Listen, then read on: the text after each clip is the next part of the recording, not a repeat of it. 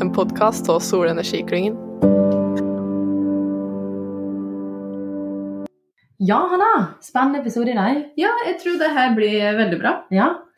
Eh, vi skal nemlig ta en prat med eh, Stanislas Merlé fra Multiconsult. Han eh, jobber for tiden med eh, sin ph.d. innenfor hybridisering av flytende sol- og vannkraftverk. Nå har jo vi hatt en episode om flytende sol eh, med Terje Melaa fra Scatec ganske nylig. Men uh, oss uh, mener i hvert fall at dette her blir noe litt annet, da, for det er en liten vri på det her med flytende sol, i og med at de skal, ikke for å spoile for mye, men de skal samarbeide på et vis. da. Mm. Ikke bare eksistere på Mm. samme sted. Mm. Og ja, og så skal det bidra til eh, jevnere energiproduksjon og levering. Eh, men ja, mer får dere høre om i praten med Stanislas, så det blir veldig, det blir veldig spennende. Mm. Praten med Stanislas må også ta eh, på engelsk i dag, så det blir jo Mm. litt eh, spennende for eh, oss i hvert fall. Stanislas er jo fransk, eh, men å ta det på fransk det funker ikke så bra for noen av oss i hvert fall. Nå. no. Så da kjører vi praten på engelsk, og så håper vi at det går bra for alle som hører på, da. Da får dere bare nyte. Ok, then we are uh, on air, holdt jeg på å si. Ok. Hello, Stanislas. Thank you so much for uh, joining us in uh, uh, Solsagt. Uh, it is so uh, fun that you can uh, that you were able to join us today. Do you want to start uh, telling us a little bit about your background and why you do, why you decided to work within the solar industry? Sure. Thanks for the invitation. First of all, that's that's very funny to be part of it. Um, my background is in power engineering. Um, after high school, I, I started there, um, and then I remember we had a, a side course, kind of, which was a bit out of the engineering core about climate change. Mm. Uh, and we had some fun with with my colleagues at the time because every curve was just going up. Um, so that we called it uh, the the upgoing curve course uh, because of temperature going up, uh, CO2 emissions going up, uh, everything. And that was at the time when uh, Al Gore issued his uh, his movie, uh, The Inconvenient Truth, uh, Yeah. which was about climate change and very scary. And uh, and and with some friends, we just decided kind of that okay, we need to to to do something there, and there's probably some walk there and stuff. So then. Uh, I started walking in 2008 in solar energy for uh, in, installing some small private uh, installations uh, on, on people's houses. And then I did my master's uh, in, in Corsica on solar energy, uh, and then and then continued to to work in this topic for for some years now. Wow. How Wow. did you end up in Norway? I ended up in Norway because France uh, at that time decided that solar energy was going too fast, and they were paying too much for that because you would sell your electricity for a given price to the to the state, kind of. Mm.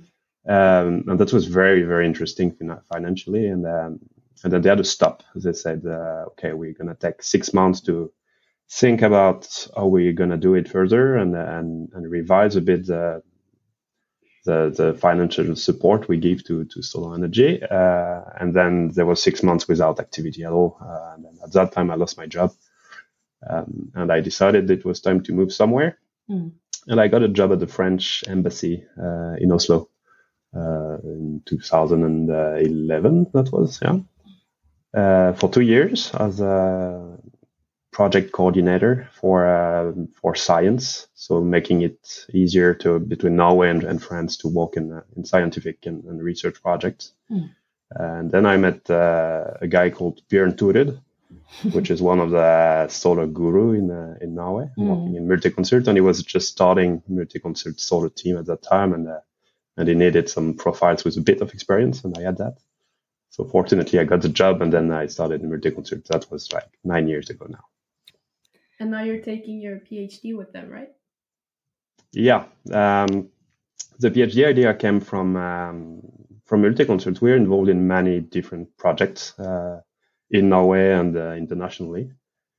And very early in 2014, 2015, we, we saw this emerging trend about floating PV um coming uh, a bit everywhere. And uh, and Multiconsult is a hydropower company at the very beginning. They've been working with hydropower for like more than 100 years. Uh, I think it was built in 1908 or something like that. So that's a long, long experience in there. uh, and they were building this this solar team still. Uh, and then okay, well, water and, and solar that's a great way to combine them. Mm. Um, but a bit early to have real projects. So that uh, the idea came up. Okay, let's try to to do some research on that. Mm. And, uh, and I was looking for something new, a new challenge. Mm. And then we came up with this uh, industrial PhD on uh, on hybridization of uh, hydropower with floating solar, We're floating. Yeah. which is then that's an industrial PhD, so it's partly financed by the Research Council of Norway. Hmm. I'm still employed in Multiconsult, and I'm doing the PhD also with NTNU as a um, research uh, partner in there, with uh, Magnus Korpås as supervisor. Then you have a lot of experience from different um, different part of the solar industry, which is really really interesting. Can you tell us um, even more directly about the hydropower floating solar hybrid project? Yeah, the the idea is that um, hydropower is well. There, there's several angles, but I like to take the the modernization one. Hydropower is an old energy source. Uh, it's not invented uh, yesterday, Mm. um, and a lot of projects are getting very old too um, in in this uh, in this context. Um, there is also a huge limitation for new big projects because of environmental regulations. These huge dams, huge reservoirs. It's uh, it's very restricted now, uh, and that has been so for the last years, except for some places in the world like China and, and maybe in some extent Brazil, for example. But still, um, so there's going to be a need for for improving this huge resource, which is also very good in tackling the problems of the future grid, right? Because you have storage, you have flexibility, you have different advantages there that that could also increase um, the, the use of solar energy or wind energy or or non-dispatchable renewables. Um, so when floating solar came in the picture as a technological possibility, then it's like, yeah, it's it's obvious we have this huge surface which is not used for anything uh, that we could just cover with floating solar panels, use um, the grid infrastructure which is already there for hydropower to export powers, and we would save also on the on the investment cost, uh, and that would be awesome. So that's um, the idea is there um, in investigating the the energy output and, and optimization of this kind of um, energy plant or, or uh, electricity generation uh, location. Um, and then we, we also focus on, on emerging markets because there are another angle is that solar power is has become very cheap. It's very interesting, many places, many locations in the world. Um, one problem with solar power, among others, is uh, the surface it takes too. And in places like Southeast Asia, for example, which are which are very packed already, uh, Mm. you don't want to take hectares for for energy where you can also use that for agriculture or something like that. So that there is always a conflict Mm. uh, there. And also using these huge water bodies that are not used for anything else, it, it makes a lot of sense. So Absolutely. yeah, so that's different angles that that made uh, that makes this this project quite interesting. So the the, the research project is focusing not not on Norway but mostly on uh, emerging markets like uh, like Asia or, or Africa, where where the value is a bit higher. But as far as I understand, uh, you guys' project is not just, not simply, but it's not just putting solar panels on a body of water, but making them work together as a whole uh, power plant. Is that correct? Exactly, uh, and that's a very good comment. We what we've seen so far in this floating solar industry is is a lot of co-located plants. So it's just about using, as I mentioned before, just about using this water surface and put solar panels on top of that, and just producing more uh, more more renewable energy. What we focus on in, in this project Mm. is the hybridization of it.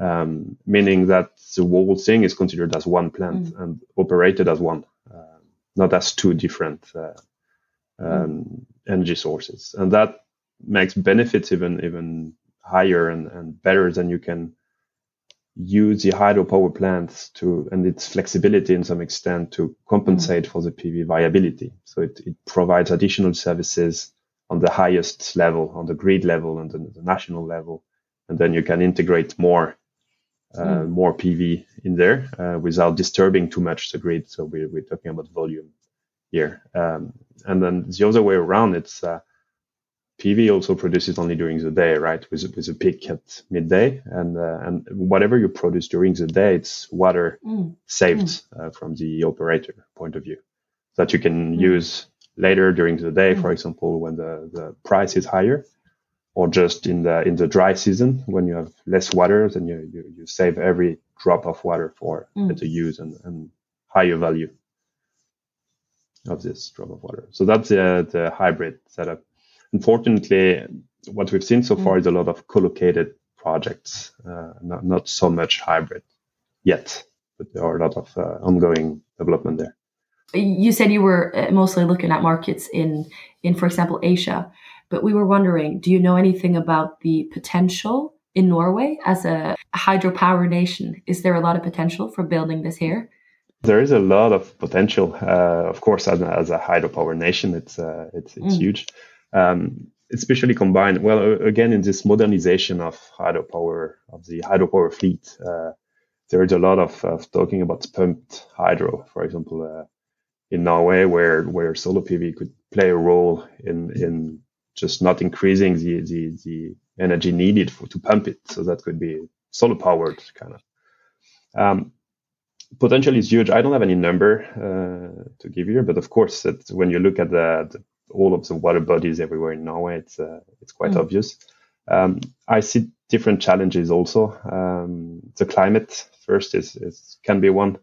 Uh, I mean, these water bodies they freeze most of them. You have snow loads. Uh, you have all of these these issues that can. It's it, it's not a showstopper, but that just makes this project a bit more Mm. expensive. Um, and and we see now actually coming also utility scale ground mounted uh, PV in Mm. Norway, and and it's uh, it's up to us kind of to see where where this market is is going, uh, what's going to be the place for floating. Mm.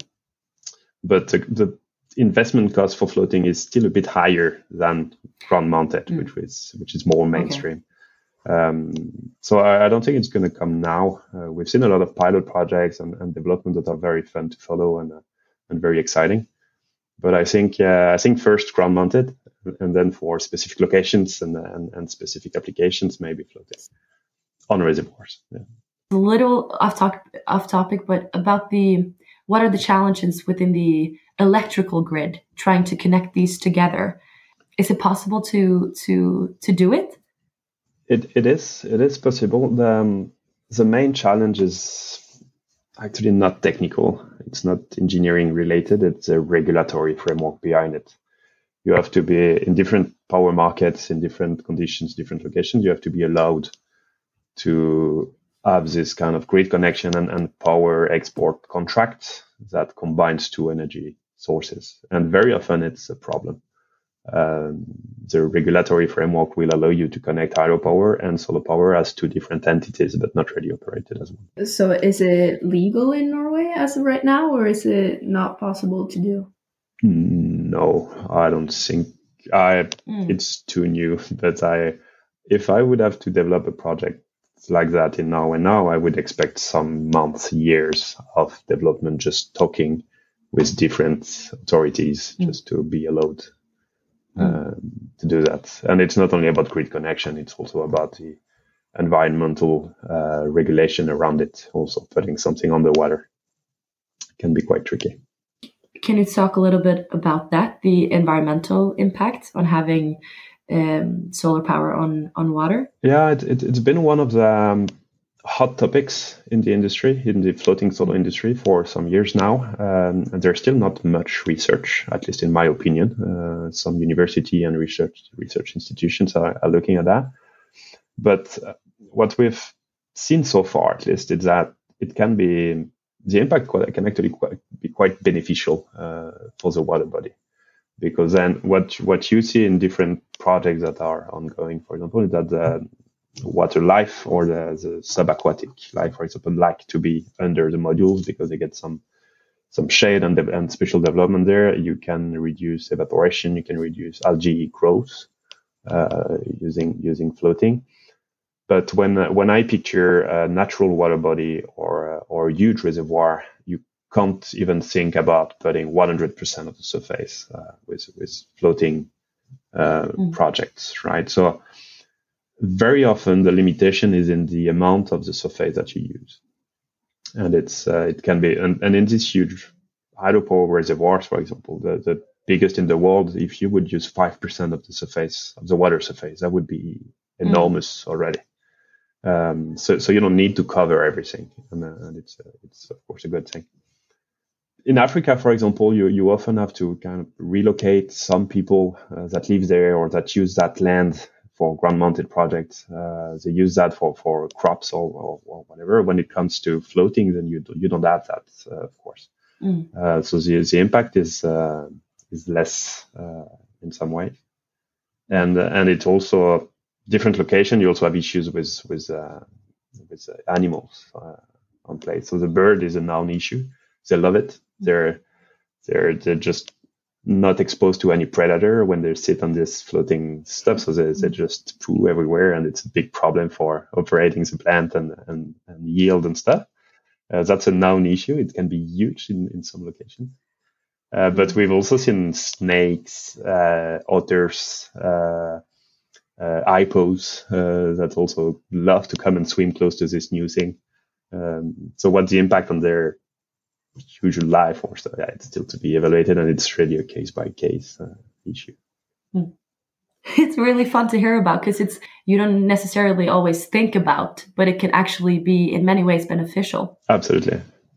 I, I wanted to ask what are the geographical limitations of this kind of a solution? Do, does it have to be water that is all kind of dammed up? I don't know if that's the english word for it but uh, or can it be a, a, river hydro power plant? It's um, well, you have you have one geographical uh, limitation, which is irradiation. I mean, the most sunny, so the sunniest place you go, of course, the most interesting your project is going to be. That's one. But just on the on the floating thing is uh, you want to avoid uh, any load, basically.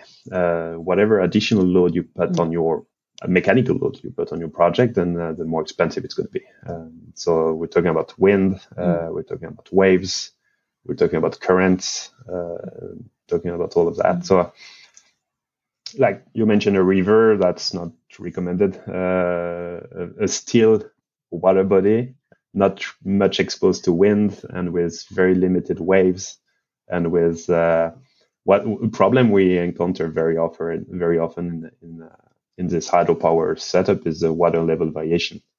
Uh, of course, water hydropower reservoirs they're gonna they're gonna move uh, up and down during a day, during a season, uh, during from year to year, also. But you don't want your floating uh, plant to move, right? Especially on a hydropower reservoir, because then you have dam safety, which is very important. You don't want any any damage uh, to occur to your dam.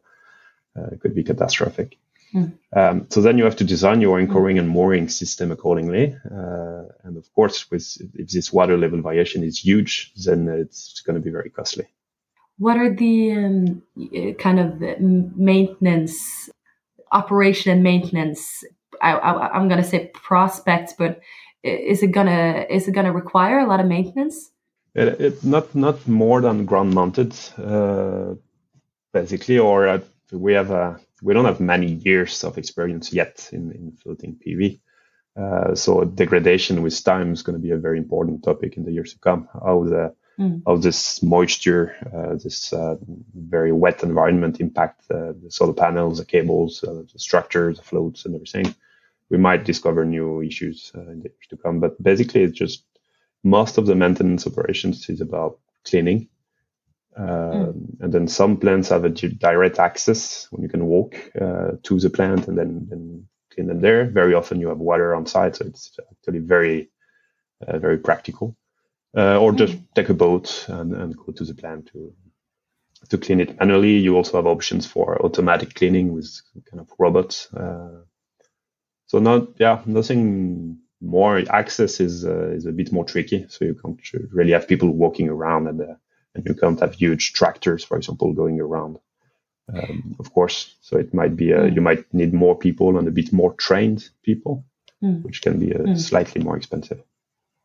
Because there are already some existing projects, am I right, in the world?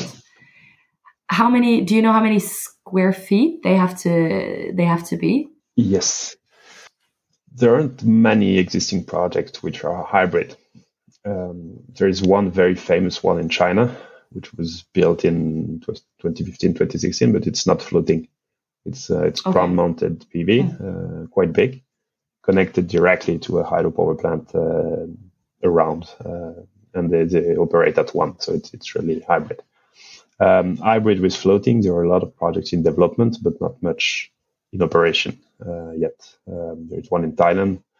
Uh, there are plants in uh, in Portugal, in in Vietnam, uh, some in Africa, but but not many not many operating.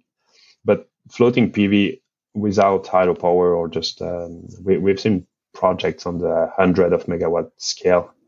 Uh, so so that's big, uh, mostly in China and it's it's not on hydropower reservoir. It's it's mainly on old quarry mines uh, that have been filled with water after uh, operation. So they have a huge space Okay. available for that there. So But the the floating PV market is just it just booming.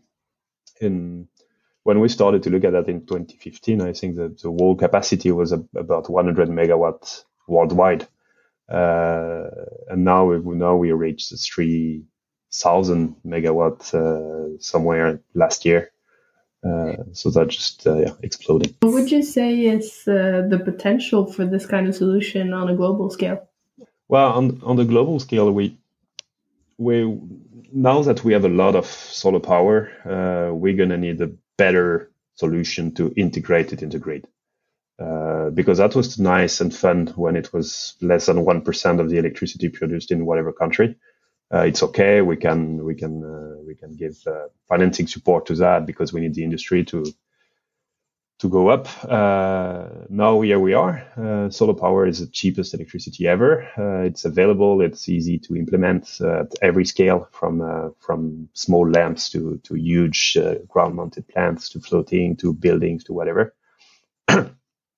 so now, if we want more, we need to tackle this variability issue. Uh, it's it's not dispatchable, so it's just sending to the grid, and it creates an, an trouble in the grid. Um, And for that, storage is an obvious uh, solution. Uh, but storage is also not cheap. And then we see also this boom with batteries and, and everything. Um, what we're seeing in this project is that the cheapest storage ever is water. Uh, and we know that. It just, we're limited in, in building more of this huge storage capacity, but there is already a lot existing there. Uh, and using that to implement more solar power is just an obvious, uh, obvious choice. So it can be floating, it can be not floating, it can be on the on the grid level, on the national level, or on the project level, a bit what we are investigating. But the potential is enormous for this hybrid projects. And you've already talked a little bit about it, but what are the financial aspects of this? Will it be a lot more expensive than what we already maybe just floating projects? Or will it be kind of the same cost? Do you know anything about it? It is floating compared to ground mounted is slightly more expensive. Um, And it's it's also a question of volume. Uh, the ground mounted that just been implemented for gigawatts and gigawatts for years. Floating is still a niche in this huge market. Um, another another issue in there, especially with hydropower and this complicated water bodies. Um, most of the floating solar industry is, is built on on small uh, man-made water bodies like industrial uses, uh, um, drinking water uh, reservoirs, and this kind of, uh, of location and application. Hydropower reservoirs are a bit more tricky for the reasons I mentioned before. Water level, it's it's bigger, so you have waves and, and all that. and then the the bankability of floating solar power is is also in question there often uh, because of course the risk is not uh, is not as controlled as it would be for for ground mounted yet. Uh, so that's also that also impacts a bit the financial uh, part of the project, of course. No, but again, it's in some locations that's the only option you have, uh, or that's a better option because of surface not being available, uh, because of uh, access to the grid, which can be can be very costly in some locations, where the grid, like some locations in sub-Saharan Africa, where the grid is is a bit weak or not not really everywhere in terms of location, and you have this huge hydropower plant already there with this huge sub- substation Mm. That is that just allows you to export your power without much trouble. Mm. Um, then it makes sense because you don't have to improve the grid; you don't have to invest in improving the grid to Mm. build your plant, for example. Mm. What do you think uh, needs to be done to get the cost down? Is it just uh, keep researching, getting more experience, and then build out in volume? Yeah, I think there is that. Of course, there is also new new players coming uh, with uh, what eighty percent of the floating PV market now is based on the same idea. It's uh, plastic floats. Uh, there are two companies that are completely uh, completely ahead of that. They're just selling everything. Uh, and then you have a lot of new companies coming with new concepts, for example, and, and, and some of it could come as a cheaper option, a better option. So we'll see where it goes. Mm. Um, and of and of course, yeah, uh, the more we get floating PV out there, the, the cheaper it's going to be because the Mm. more experienced we're going to be and the more volume we're going to get in this in this industry. So Mm. yeah, absolutely. Mm. And also not going everywhere. I mean, of course, that the, the location or the mechanical conditions there, the, the, the again the loads, the wind, the waves, the water level, it impacts the cost quite a lot. So Mm. going for the low hanging fruits yeah, is probably a good idea. Good idea. Yeah. So uh, what I uh, you said it before, but a, a really interesting prospect in Norway you said was the ability to you can use the when you don't uh, the leftover kind of electricity that is being produced from the PV, you can use that to pump uh, the water back up. So it kind of is a Yeah. direct storage method, which is pretty pretty genius. There, there is a lot of well research and development already for, for pumped hydro in Norway and, and a bit Mm. everywhere using just um, using the same turbine, using the same infrastructure, but just when the when the price is very low, then you use it uh, to to inject water back up and then turbine it Mm. again down when the price is high. Um, and Mm. it's it's a very interesting concept. And adding solar to that and, and floating solo is just uh, an option there but uh, it just makes a Mm. lot of sense. Yeah. Absolutely, yeah, because it's it's the same water, it's the same equipment. Um, it's just the kind of reversed, reversed kind of. Um, oh, sorry, I'm having Direction a of flow. technology. Yeah, yeah, technology or turbine. Yeah, absolutely. It's it's not applicable to all Mm. technologies in, in the hydropower industry, but uh, and and in Norway, I mean, hybrid and and using solar power or floating solar power with hydropower is one thing, but I think floating solar has other leads to in Norway, like with aquaculture, uh, with the offshore industry. We, we, there's a lot of Mm. talks now about offshore wind, um, putting offshore uh, floating solar also in between turbines, for example, would just increase the energy efficiency of, of this surface and, and area. So there are a lot of, of uh, yeah, different leads uh, also there. Do you think uh, this hybrid solution can contribute to more stable electricity production? that's the idea. Uh, that's the main goal of it. Yeah. But uh, but again, you have to be kind of supported for that. So as as a company investing in this kind of project, you you need to find value in your contract uh, to to provide more stable electricity and not uh, not only take or pay things.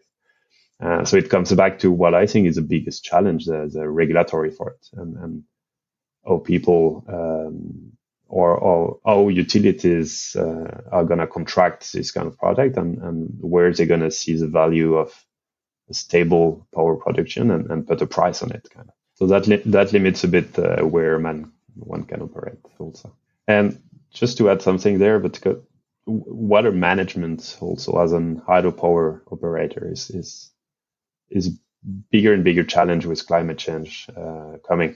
So you have more heavy rain season, you have more, you have drier, uh, dry seasons.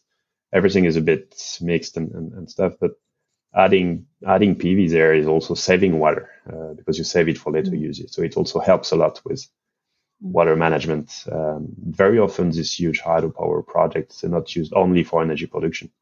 They also use for irrigation purposes, for uh, for the industry around, for fisheries, for you name it. Um, and improving this this uh, improving this saving water is uh, is also another uh, benefit. But again, how, how do you price Mm. it? Also, how do you value it? So it's definitely a win-win with uh, with the hybrid solution. It's a win-win-win. Yeah, it's a, it's a win for the solar power, a win for hydropower, and a win for the utility, and and you can add add several wins for uh, for the water. It's a win for irrigation. It's a win for yeah. Mm. So we can just keep adding wins. yeah, please. we often say that that's the thing with hybrid, and again, compared with co-located, uh, it's it's one plus one does not equal two. There, it's really equal three or more. Uh, it really adds value to the to the project as a whole. Very nice. Okay, thank you. I think we've been able to uh, ask you the question questions that we've we've wanted to ask, and um, uh, we want to thank you so much for your time. But we also want to uh, um, ask you if you have any tips for you know people wanting to get into the solar industry. Do you have any? You know, what do you what do you think is great working with with solar? Everything is great. That's a good thing. Now, but for real, I mean, that's the best industry ever because you can really, even as a solar specialist, you can be a solar specialist in in every kind of size, every kind of application. Every solar is so so flexible. Um, you can be an architect specialist in solar. You can be a, an electrician specialist in solar. You can be a, yeah, you can sell lamps to to camps in, in Africa, or you can uh, build huge power plants to to yeah provide energy for the world. I don't know. Everything is uh, everything is nice.